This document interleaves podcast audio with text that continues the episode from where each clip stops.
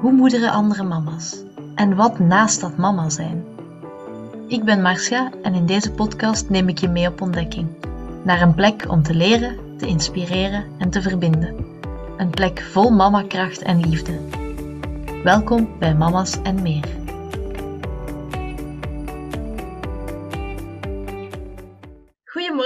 En welkom op de Mama's en Meer podcast. Ik ben heel blij dat je er bent. Ehm, ja, voor onze luisteraars, wil je jezelf eens kort voorstellen? Uh, ja, ik ben Anne. Uh, ik ben 34. Ik ben zelfstandig in uh, onze familiezaak, een elektrozaak. Ik heb een dochtertje van twee jaar, Stella. En ik woon samen met Stella en mijn man Dirk en ons hondje Q in uh, Heusden-Zonder. Oké, okay, dankjewel. ja, je zei het al net. Um, jij bent zelfstandig in een familiezaak. En dat is toch wel iets bijzonders. Uh, voor wie jou volgt op Instagram heeft dat misschien al eens gezien. Maar dus jouw dochtertje Stella, die gaat niet naar de opvang. Maar ja, terwijl jij werkt, is die vaak bij jou. Ja, hoe is dat eigenlijk gekomen en hoe gaat dat in zijn werk? Um, ik, ben, um, ik was zwanger tijdens corona. En we hadden Stella wel ingeschreven in de opvang. Want dat is zo, ja, als je zwanger bent, de, logische stap of zo. Je schrijft je kind in een opvang. Maar dan toen ze eigenlijk zou moeten beginnen, vroegen ze van ja, er was toen ook terug een lockdown van als, ze niet, als je een andere oplossing hebt, laat ze dan nog even thuis. En ik ben ja, na een maand of zo al terug beginnen werken, maar ik nam Stella dan ook altijd mee, want ik had wel zoiets van, ik wil wel terug gaan werken, maar ik wil Stella absoluut niet zo snel alleen laten. Um, en dan ook als ze langer bleef, ja, is mijn man ook begonnen, die werkt dus IT'er. Uh, maar die werkt ook volledig van thuis uit op dat moment. Dus die ging dan eigenlijk met mij mee naar mijn zaak. En hij werkte dan vandaar van thuis uit. En dan konden we het zo verdelen. En tegen dat ze dan eigenlijk mocht starten in de opvang, hadden we zoiets van, ja, maar dit werkt. Uh, we vinden het dus ook heel fijn dat we alles van haar meekrijgen. Um, ik moest niet kolven. Alles wat ze leren, we waren gewoon altijd bij haar. En dat voelde ook wel gewoon heel goed om dan zo ja, ten volle allemaal samen te beleven. En dan heb ik ook gezegd van ja, we gaan eh, de opvang annuleren en uh, we gaan het gewoon zo verder doen. Ja. Dat is wel heel fijn dat dat zo werkt. Um, je zegt het is wel een familiezaak. Hoe stond jouw familie? Ik weet niet of jouw familie of de familie van jouw man is, maar hoe stonden zij daar tegenover? Uh, mijn mama is eigenlijk een van de eerste die gezegd heeft van um, ja, allee, ze voelde denk ik ook wel aan mij dat ik zoiets had van oh ja, die crash, allee, dat, dat ik dat toch zo ja, voelde van ja, dat, dat voelt niet goed. En, en uh, dan is mijn mama eigenlijk een van de eerste die gezegd heeft van ja, maar als je echt het gevoel hebt dat dat voor u niet gaat werken, um, dan kunnen we misschien ook gewoon proberen zoals we het nu doen. Ja, dus eigenlijk van jouw mama uit dan het voorstel gekregen.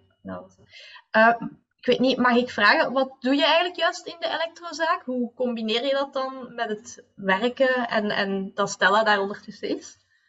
Uh, ik doe eigenlijk zowel verkoop als dan meer administratie. Um, dus ook offertes opmaken en, en rekeningen, uh, dat soort zaken. Um, dus ik ben vooral effectief bijstellen als ik boven op het bureau ben. Uh, als ik beneden klanten help, is ze meestal gewoon boven bij Dirk. Ze heeft ondertussen wel zo haar eigen speelparadijsje een beetje op het bureau. Um, en als het te lang duurt, als Dirk merkt van ja, Stella wil eigenlijk drinken of, of ze heeft al een aantal keer achter mama gevraagd, dan komt hij soms zo wel eens met Stella naar beneden en dan komt Stella daar ook zo wel eens even piepen en rondlopen. En maar meestal als ik met klanten bezig ben, is zij wel boven. Um, maar nu dat ze wat ouder is, ja, loopt ze soms ook wel gewoon daar rond en helpt ze met wat dozen verzetten. En, uh... Ja, dus ze helpt zelfs al een beetje.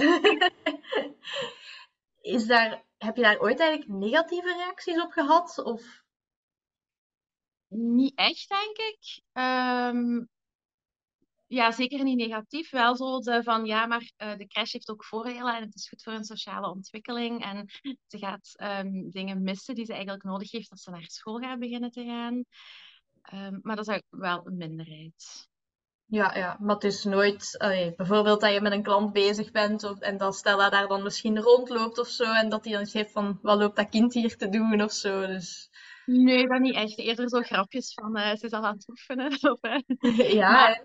Wel, ja, je voelt soms ook wel aan mensen dat die inderdaad zoiets hebben van ah, ik ben hier gewoon om een wasmachine te kopen of zo. En dan ja, probeer ik daar ook wel rekening mee te houden. En ja, dan bijvoorbeeld te vragen aan Dirk of die Stella komt halen of zo. Dus we, ja, we proberen dat ook gewoon een beetje in te passen zoals dat dan voor iedereen goed voelt. Ja, ja. Maar het is wel fijn om te horen dat het op zich redelijk goed lijkt te werken dan. Ja, Ehm, ja. Ja. En jouw man Dirk, je zei dat hij als IT'er werkt, maar is dat dan ook voor de familiezaak? Of is dat dan Nee, wel... Ja. ja, Ja. dat is inderdaad voor een extern bedrijf, ehm, maar die ehm, ja, is volledig binnen thuis werken door corona en dat is eigenlijk gewoon zo gebleven. Ja. Dus die eigenlijk nooit echt terug naar kantoor gegaan. Ja, en voor hem werkt het dan ook redelijk goed gewoon. Allee. Ik kan mij allee, het hangt misschien ook allemaal van het kind wat af, maar eh, ik kan me toch ook inbeelden als daar een kindje zit dat dan toch aandacht wil, dat dat ook niet altijd even gemakkelijk werkt. Nee, het is soms zo wel verdelen. Of zo dagen dat ik zoiets heb van dit moet ik echt af hebben. Of als hij veel meetings heeft, dat we ook wel een beetje met elkaar proberen van ja, kijk, vandaag moet ik dit echt. En dat dan de anderen een beetje... pro- Want het is inderdaad, dat ze ouder dat ze wordt, dat ze meer dat ze ook wel weet dat ze gewoon aandacht kan vragen en kan blijven vragen totdat wij ja, ook reageren natuurlijk. Ehm, ja, dat is ook de opvoeding die wij heel belangrijk vinden om responsief te zijn naar haar. Maar dat is inderdaad niet altijd even makkelijk als je zo net in iets zit dat je toch heel graag heel even af wilt hebben. Ja, maar als ik het zo hoor, dan heeft ze toch al heel veel, ja, de responsiviteit en de aanwezigheid van haar ouders. En ik weet niet, dat jouw ouders zitten die dan ook wel regelmatig in de zaak. Dus ik weet niet of zij, ja, dus zij kunnen haar ook soms opvangen waarschijnlijk. Het is wel een hele leuke situatie natuurlijk. Ja, ja, en was, ja, zeker zo begin corona. Allee, hadden wij eigenlijk wel schrik hoor. Allee, zo toen ze er pas was als baby. Ehm, en vond mijn mama ook wel gewoon fijn dat ze dan, omdat Stella mee kwam werken, Stella ook gewoon meer zag op dat moment. Ja. Ja, het is natuurlijk iets dat niet per se iedereen voor de hand heeft, maar ja, je hebt daar misschien al veel gesprekken over gehad met andere mensen. Zijn er zo toch dingen dat je dan zegt van, ja, ook al heb je niet dezelfde situatie, maar als je dit fijn vindt, kan je dit misschien toch ervan overnemen of niet? Denk maar, zoals je zegt, jouw man werkt dan wel thuis, maar ja, zijn er veel mensen dat je merkt die dat dan ook bijvoorbeeld doen, die toch, ook al werken ze thuis, dan wel de kinderen ook thuis houden en ehm, ja, het eigenlijk regelen met hun partner of met hun ouders. Of... Ja, ik heb zowel al berichtjes gekregen, ook van mensen die dan wel zien bijvoorbeeld dat, dat Stella niet naar de opvang gaat, die dan sturen van ja, we hebben eigenlijk een opvangprobleem en daardoor zijn we nu wel meer gaan nadenken van als we ieder één dag nemen en voor de rest combineren we het met thuiswerken, dan gaat het misschien zo ook wel. Ehm, of ja, ook zo iemand die stuurde van ja, eigenlijk ze ging vijf dagen naar de crash, maar ik heb nu beslist om één dag te zorgen dat ik mijn agenda vrij kan maken en dat ze gewoon ook thuis kan blijven. Dus, Ja, ja. Ja, in onze situatie is dus dat wij hebben wel besloten elk vier vijfde te werken, zodat ze toch ook twee dagen in de week bij ons thuis is. Maar ik merk wel, als ze thuis is, ik zou het zelf niet kunnen om dan echt veel te werken ondertussen. Maar dat hangt misschien ook wel heel hard af van ja, het soort job dat je doet. Ik moet ook bijvoorbeeld heel veel vergaderingen doen. En eh, ja, en ja, zoals gezegd, ehm, dat het van het kindje ook wel wat afhangt. Ehm, hoewel die van mij ook wel redelijk veel zo alleen kan spelen soms. Ik merk vooral als ik met een computer bezig ben, dan wil ze daar altijd bij zitten. dus eh, ja, vandaar ook, ehm, ja, ze is nu wat ook in de opvang, want een podcast opnemen met haar erbij zou voor mij echt niet lukken. Voor degenen die de vorige aflevering hebben geluisterd, dat was, eh, daar had de gast ook haar kindje thuis en ze had toch iets van, oei, dat had ik misschien beter niet gedaan. Eh, ja, oké. Ehm, ja, zoals wij heel kort al, ja, voordat we waren beginnen opnemen, gezegd hadden, ja, er is eigenlijk heel veel dat er met jou, ehm, dat ik zou kunnen bespreken. Ehm, zou jij misschien een beetje willen vertellen over, ja, over het verhaal van hoe Stella jouw dochtertje eigenlijk geworden is? Eh, Ja. Ja, Stella is er eh, gekomen met eiceldonatie. Ehm, ik was denk ik 26 als wij eigenlijk nog niet zo lang hadden beslist van we willen graag een kindje.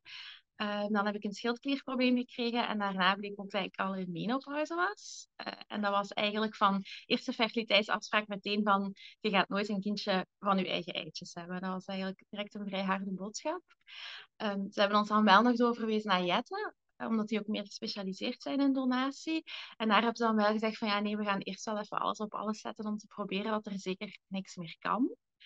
Dat is een vrij heftig traject geweest, want ik had al heel eh, lange cyclussen op dat moment. Ehm, ik heb drie pick-ups gehad, telkens zonder dat ze iets gevonden hebben.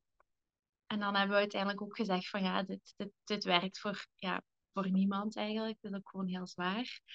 En dan hebben we ook wel even pauze genomen. Ehm, dan zijn we in het, in het donatietraject gestart eigenlijk. En ik denk dat we acht maanden hebben moeten wachten tot we een match hadden. Dat is voor, voor een, een, een donormatch niet heel lang. Dat voelde wel als heel lang op dat moment. Ehm, en we hebben dan acht eicelletjes gekregen. Uh, daar zijn vier embryo's uitgekomen en Stella was de laatste. Dus uh, dat was echt wel zo yes op het einde waarschijnlijk. Ja, ja. dat was wel heel, ja, zo moeilijker wel om zo de, de hoop nog te houden, zo die allerlaatste keer van, ja, als het nu ook niet lukt, dan moeten we helemaal opnieuw heel dat proces ingaan. Uh, maar ja. Ja. Um, ja, je zei dus, uh, toen bleek, ja, je had een schildklierprobleem en toen bleek dat je al in menopauze was. Is dat iets, ja, ik, ik weet daar absoluut niks van, dus um, waaraan merkte je dat eerst? Had je daar al vermoedens van? Is dat iets in de familie? Of... Ik had daar niet echt vermoedens van, want het ding was ook een beetje dat bepaalde um, dingen zoals opvliegers en zo ook een beetje bij mijn schildklierprobleem voorkwamen. Um, en ik, ik kreeg mijn regels ook niet meer, maar ook, ja, je lichaam houdt dat ook tegen als je zodanig een schildklierprobleem hebt dat het ook niet goed zou zijn om een kindje te krijgen eigenlijk. Mm. Want toen kwam mijn schildklier met medicatie terug op punt uh, en bleef dat nog uit. En dan was het zo, ja, ja, maar dat zal wel komen, dat zal wel komen, maar ik had daar geen goed gevoel bij. En dan heb ik zelf gezegd van, ja, maar kunnen die hormonen dan niet eens gecontroleerd worden? En dan ja, bleek eigenlijk meteen dat dat al absoluut niet meer goed was. Ja, want heeft het een dan met het ander te maken? Ik bedoel, is het schildklierprobleem hetgeen wat die menopauze veroorzaakt? Of staat dat volledig los van elkaar? Dat hebben ze eigenlijk nooit kunnen achterhalen. Hmm. Voor, voor mijn dossier ben ik, ja, dat, dat ze niet weten waarom dat het gebeurd is. Um, mijn prof Injette zei wel dat, dat hij heel erg het gevoel had dat het wel zo was, dat die schildklierprobleem dat eigenlijk een auto-immuunziekte was. Mm. Dat die eigenlijk gezorgd heeft dat ook andere delen van mijn lichaam elkaar een beetje zijn beginnen aan te vallen. En dat zo mijn eicelreserve eigenlijk ook uh, ja, mee aangevallen is. Ja, ja. Ja, want dat moet toch ook voor jullie echt een klap geweest zijn. Ik weet niet, wil je daar iets meer over vertellen? Over hoe dat, dat was? Um, dat was vooral um, ja, je leert dat niet als kind. Hè? Als kind krijg je uitgelegd van als je een kindje wilt, dan maken een mama en een papa een kindje. En er wordt al van kind af aan nu gevraagd, wat jij liter kindje dan? Oh, en hoeveel kindjes wilt jij? En ja, je droomt daar zo al bijna van, vanaf kind af. En het was vooral zo het... Ah ja, dat is iets wat ik heel mijn leven geleerd heb. Dat is normaal, dat je als vrouw een kindje kunt krijgen en ik kan dat niet. Mm dus ik vond dat, dat, ja, dat raakte voor mij heel hard aan, aan mijn vrouwelijkheid. Aan van, ik kan hier iets niet wat, wat dat heel normaal is en wat dat iedereen in mijn omgeving... Want ik had ook heel weinig mensen met vruchtbaarheidsproblemen in mijn omgeving. Van, uh, ja, je zit stuk eigenlijk. Zo voelde dat echt voor mij. Um, en ik heb daar al heel moeilijk mee gehad. Um, ik vond het daarna zo op, op seksueel vlak en zo ook veel moeilijker. Want ja, het werkt niet, dus wat voor zin heeft het allemaal nog? Hey, zo voelde dat heel hard voor mij. Ja, ja. Ja, dat, dat het zo heel hard binnenkomt natuurlijk. Ja, en ook zo, ja, je hebt dan heel hard die symptomen, die opvliegers, um, die hormonen waaraan dat je voelt dat je zo ja, heel prikkelbaar bent. Maar je hebt ook niet echt iemand in je omgeving om daarover te praten. Als je allemaal 50 bent en je begint daar allemaal door te gaan, dan herkent je dat allemaal. En dan ja, kun je dat wat uitwisselen of elkaar daarover begrijpen. Maar voor mij was dat zo, ja, en als ik dat vertelde, dan, dan voelde ik ook wel van, ah ja, ze, ze snappen wel dat dat vervelend is voor mij, maar ze, ja, ze snappen niet echt hoe dat, dat is om daarin te mhm. staan, om dat mee te maken. En niet alleen die ongemakken te hebben, maar ook constant daarmee geconfronteerd te worden van, ik ben al in menopauze.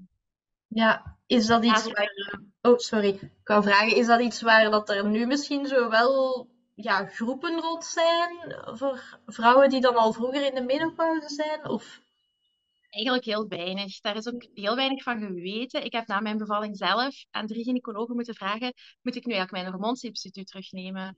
En iedereen is dat moeten gaan vragen aan elkaar en gaan opzoeken. En ja, niemand had daar zelfs een antwoord op voor mij. Um, is eigenlijk zelf door het, door het online meer te beginnen delen dat ik nu wel uh, ook iemand anders ja, via Instagram heb die, die een beetje een vergelijkaardig verhaal heeft. Maar ook ja, door het zelf te gaan delen eigenlijk maar toevallig op, op iemand gestoten die hetzelfde verhaal heeft. Ja, ja. Het, is, het is een heel unieke situatie. Um, misschien om dan even terug te komen op uh, Stella. Jullie hebben ook dan, zoals je zei, echt gekozen om heel responsief uh, ouderschap um, ja, ik denk, ik denk dat je zelf ook eens vermeld hebt dat dat ook wel met elkaar te maken heeft natuurlijk. Dat je dat gevoel hebt van je hebt zoveel moeite moeten doen en, en ja, heel dat traject. Ja, misschien kan je daar zelf gewoon meer over vertellen hoe dat, hoe dat jullie dan tot bepaalde keuzes ook gekomen zijn. Ja, het is, denk ik inderdaad, we hebben zo al, al moeten nadenken over dingen waar je niet over nadenkt als je gewoon zwanger kunt worden. Ehm, en ik, ik heb het inderdaad altijd heel belangrijk gevonden om, om heel responsief te zijn. Ook wel een stukje wat onze generatie denk ik wel meer heeft, het compenseren van wat we zelf gemist hebben. Ehm, zo het, het, het ja, in emoties gezien worden. Uh, en inderdaad, wij hebben dan het extra stukje dat we haar ook gaan moeten meegeven, dat we iets extra nodig hebben gehad om, om haar te hebben. Uh, en ja, ik vind het heel belangrijk dat dat is iets waar ze altijd heel open over gaat kunnen praten. Wat dat ze ook weet dat, ook als ze daar boos om is of verdrietig om is, dat ze dat aan ons mag laten zien en dat ze dat niet moet wegsteken. En ja, ik denk dat daarom ook wel belangrijk is om gewoon nu vanaf de start al daar heel responsief in te zijn en te laten zien van alles wat je voelt en alles wat er is, dat, mag er zijn en dat kan je met ons delen. Ja, ik zag ook dat je daar rond, um, omdat het dan onlangs zelfs die, zeg ik het eigenlijk goed, dat je dan ouder van donorkinderen bent. Uh, of, of wat is het, er, dat je uh, gedeeld had dat het daar nu een awareness week of zo rond was. Ja. ja, heel, heel mooi dat er dan over die thema's toch ook al zo kinderboekjes zijn. En je deelt ook wel regelmatig zo van die inclusieve kinderboekjes en zo. Um, ja, los van het, het donorverhaal. Um, die inclusiviteit was ook wel iets heel, heel fijn en iets dat vaak terugkomt bij jou. Is daar een bepaalde trigger voor? Of uh, hoe ben je daar zo wel weer bij betrokken geraakt? Ik denk dat dat een beetje begonnen is met mijn broer. Hij heeft een vriend ja. Um, dat we zo, toen, toen, toen ik zwanger was van Stella, was ik daar zo'n kinderboekje over tegengekomen, over ja, zo meer nonkel en onkel. Mm -hmm. uh, en dat ik dan van daaruit zo wat meer van, ja, het is eigenlijk logisch dat zij van kleins af aan leert dat dat gewoon er is, net zoals dat iets anders er is eigenlijk.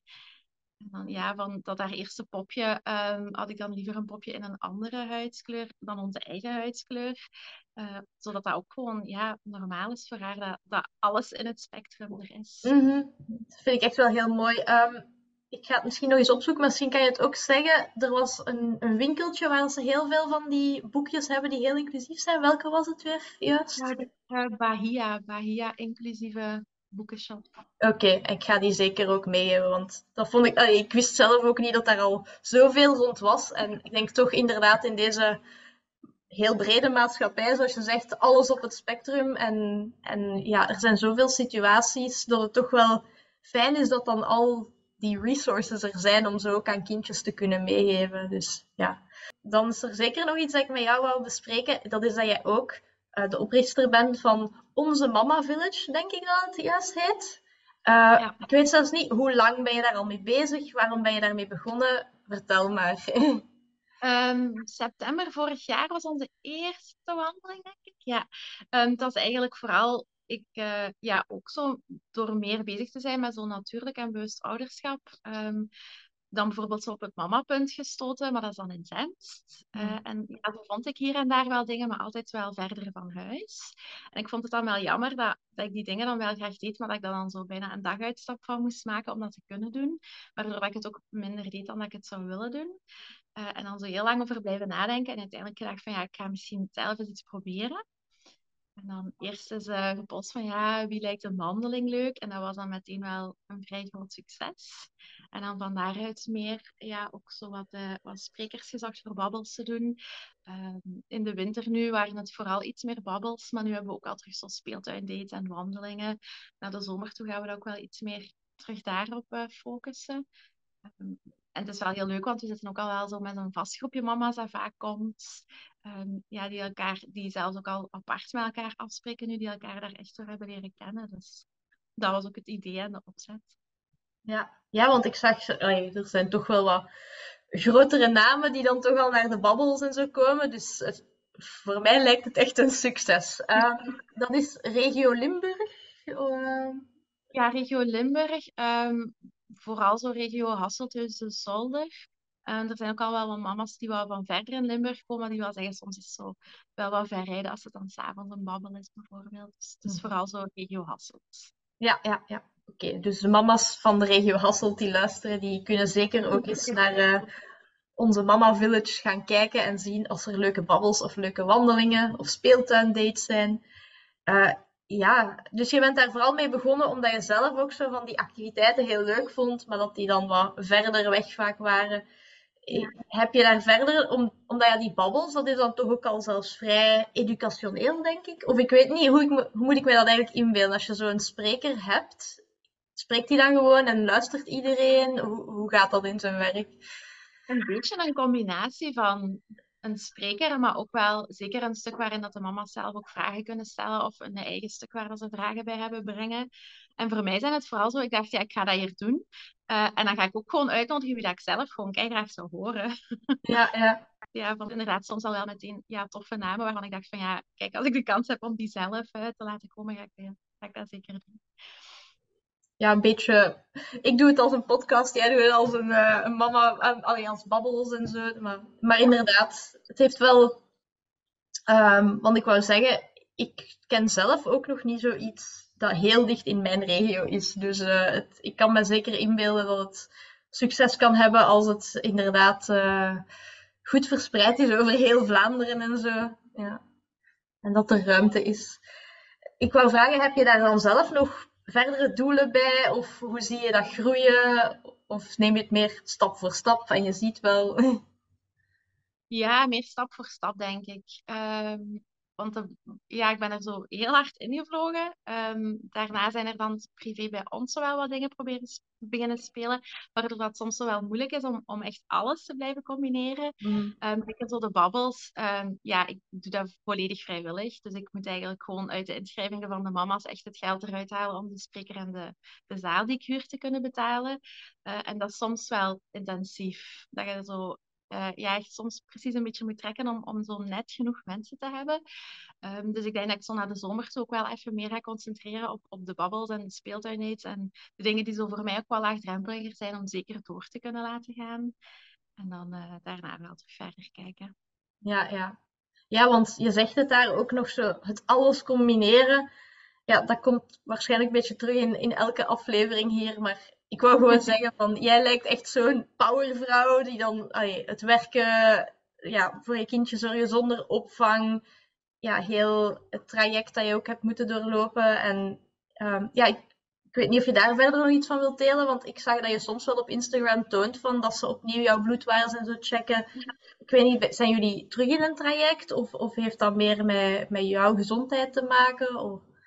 Ja, we zijn, we zijn niet echt terug in een traject, maar het is eigenlijk ehm, net voor de feestdagen had ik een, een bloeding gekregen. Ehm, dus ik ben dan net na de feestdagen naar de gynaecoloog gegaan, want eh, ja, ik had al heel lang geen cyclus meer. En als je dan wel bloedverlies krijgt, ja, is dat niet altijd goed.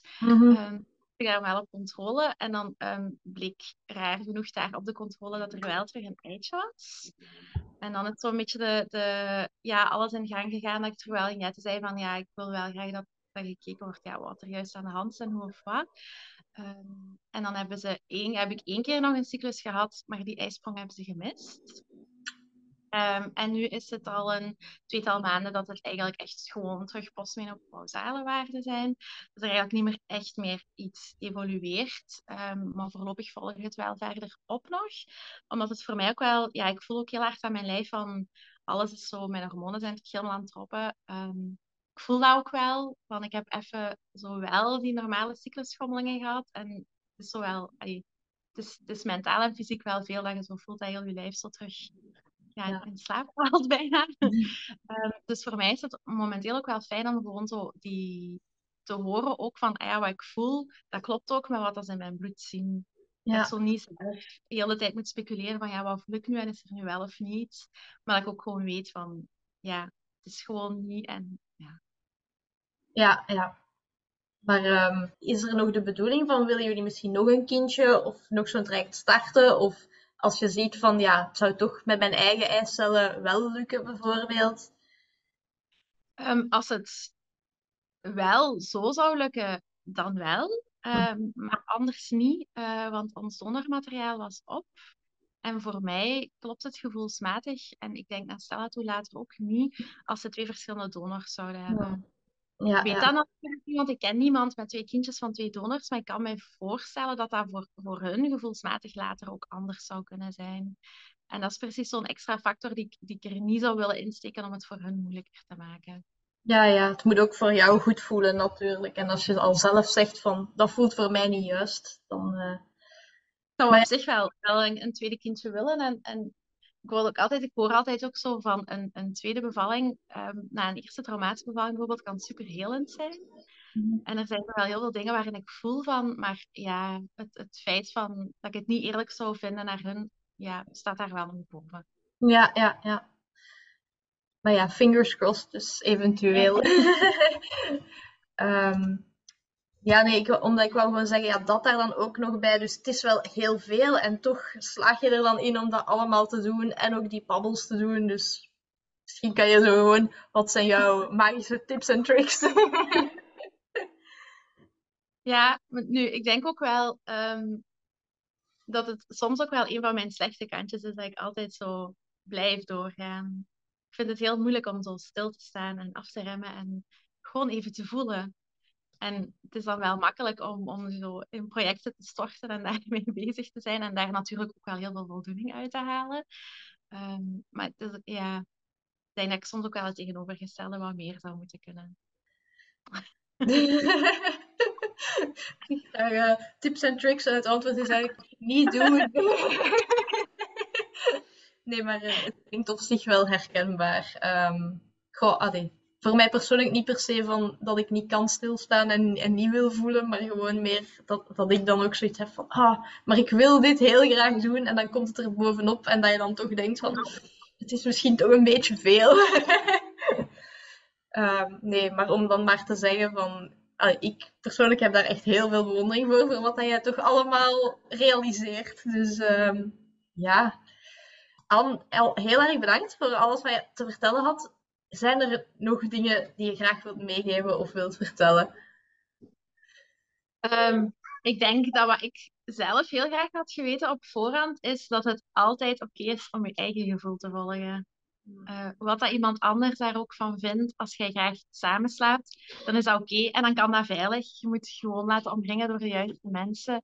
Eh, als je langer borstvoeding wilt geven, eh, als je je kindje geen vijf dagen naar de crash wilt doen, of net wel. Ehm, er zijn altijd de juiste mensen om te vinden die u daar het juiste advies over kunnen geven, die u daarmee kunnen omringen. Eh, en je moet zeker niet iets doen omdat je mama dat zegt, of omdat je denkt ehm, dat alle vriendinnen dat zo doen en dat dat het allerbeste is. Eh, ik denk dat ik in het begin vooral heel veel connectie heb gevonden online. eh, omdat ik het toch wel voelde dat ik het anders zou doen dan mijn omgeving. En dat voelde soms wel in het begin heel eenzaam. En dan is het soms misschien ook wel makkelijk om te denken, ik zal het anders gewoon maar zo doen, want dan kan ik daar wel met iedereen over babbelen. En dan, dan, ja, dan doe ik hetzelfde als de mensen rondom mij en dan is dat gewoon makkelijker. Ehm, maar ik denk dat je dat dan ook wel voelt dat dat wringt en dat dat eigenlijk niet is wat dat werkt voor je en dat je dat dan ook niet van harte doet. Ja, Stella heeft eh, één nacht in de co-sleeper gelegen en ehm, is daarna nooit meer uit ons bed geraakt. Eh, en nu begint dat zo wel zo, ja, maar ja, in haar eigen kamertje. En, maar ja, wat werkt voor ons, werkt voor ons. En er is niemand anders die s'nachts moet opstaan om haar voeding te geven. Dus er is ook niemand anders die dat moet beslissen.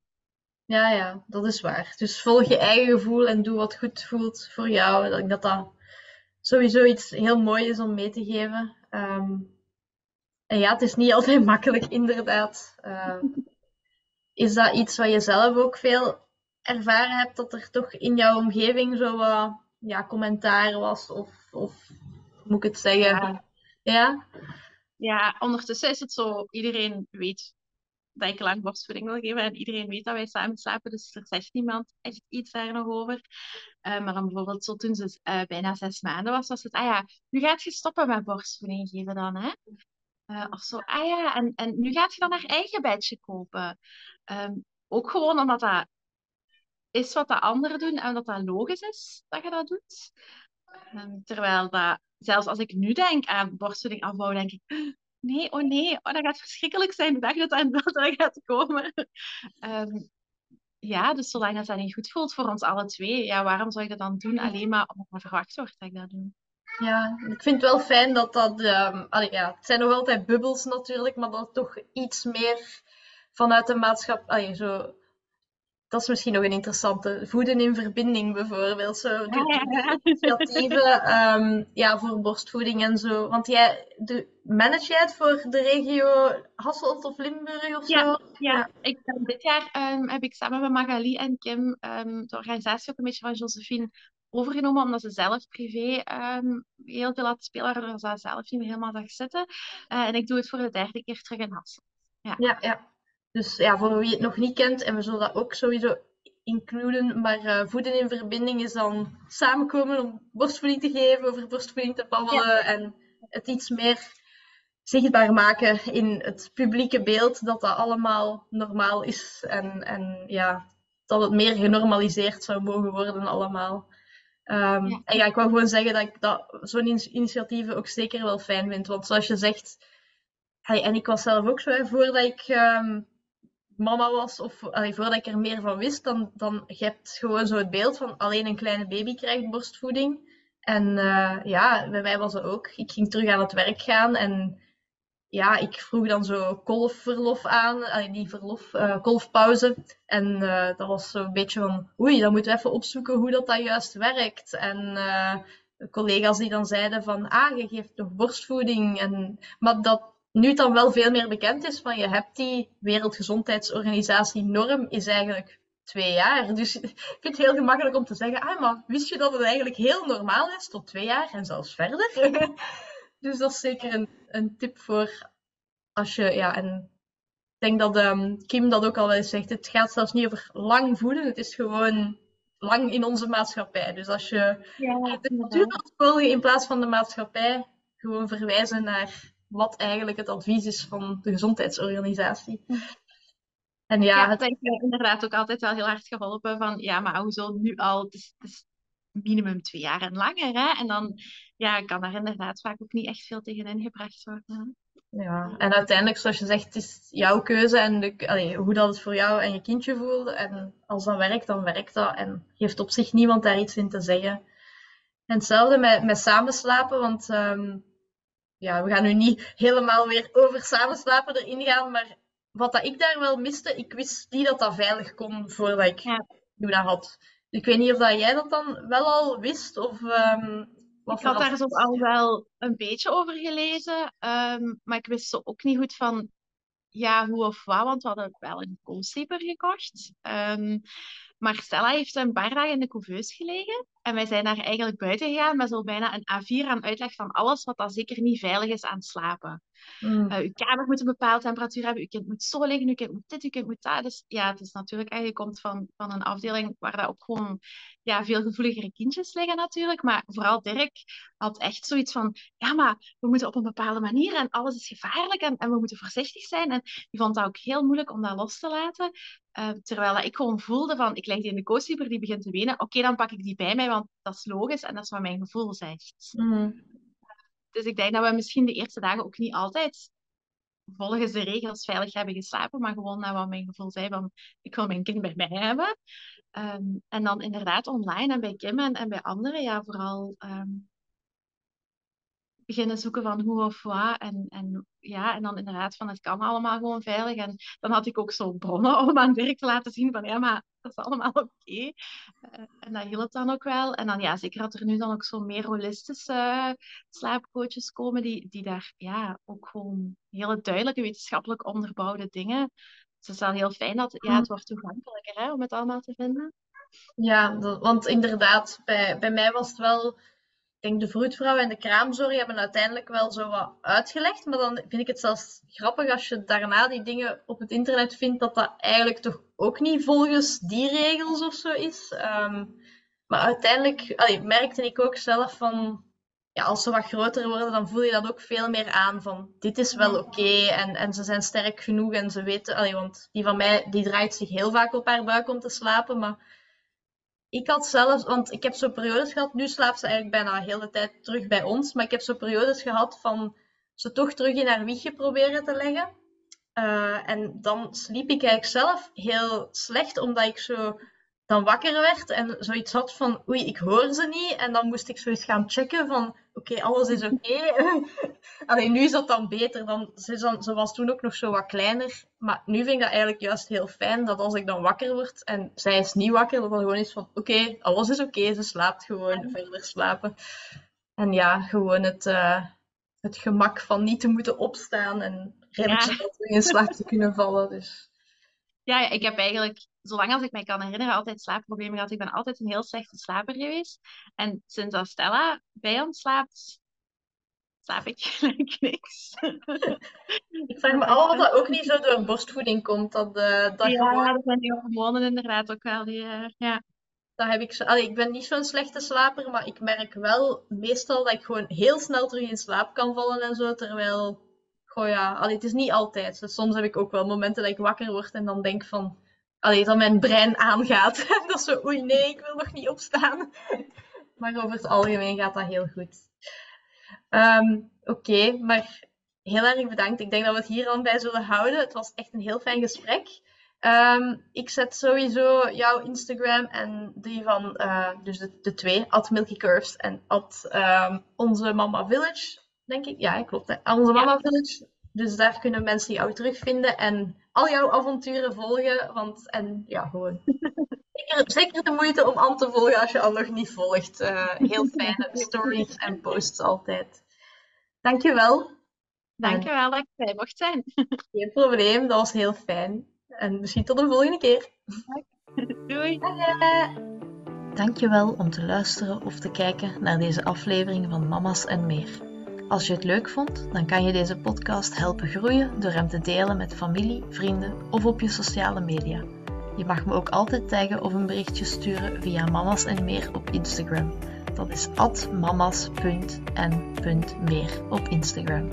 Nogmaals bedankt en tot de volgende aflevering. Dag!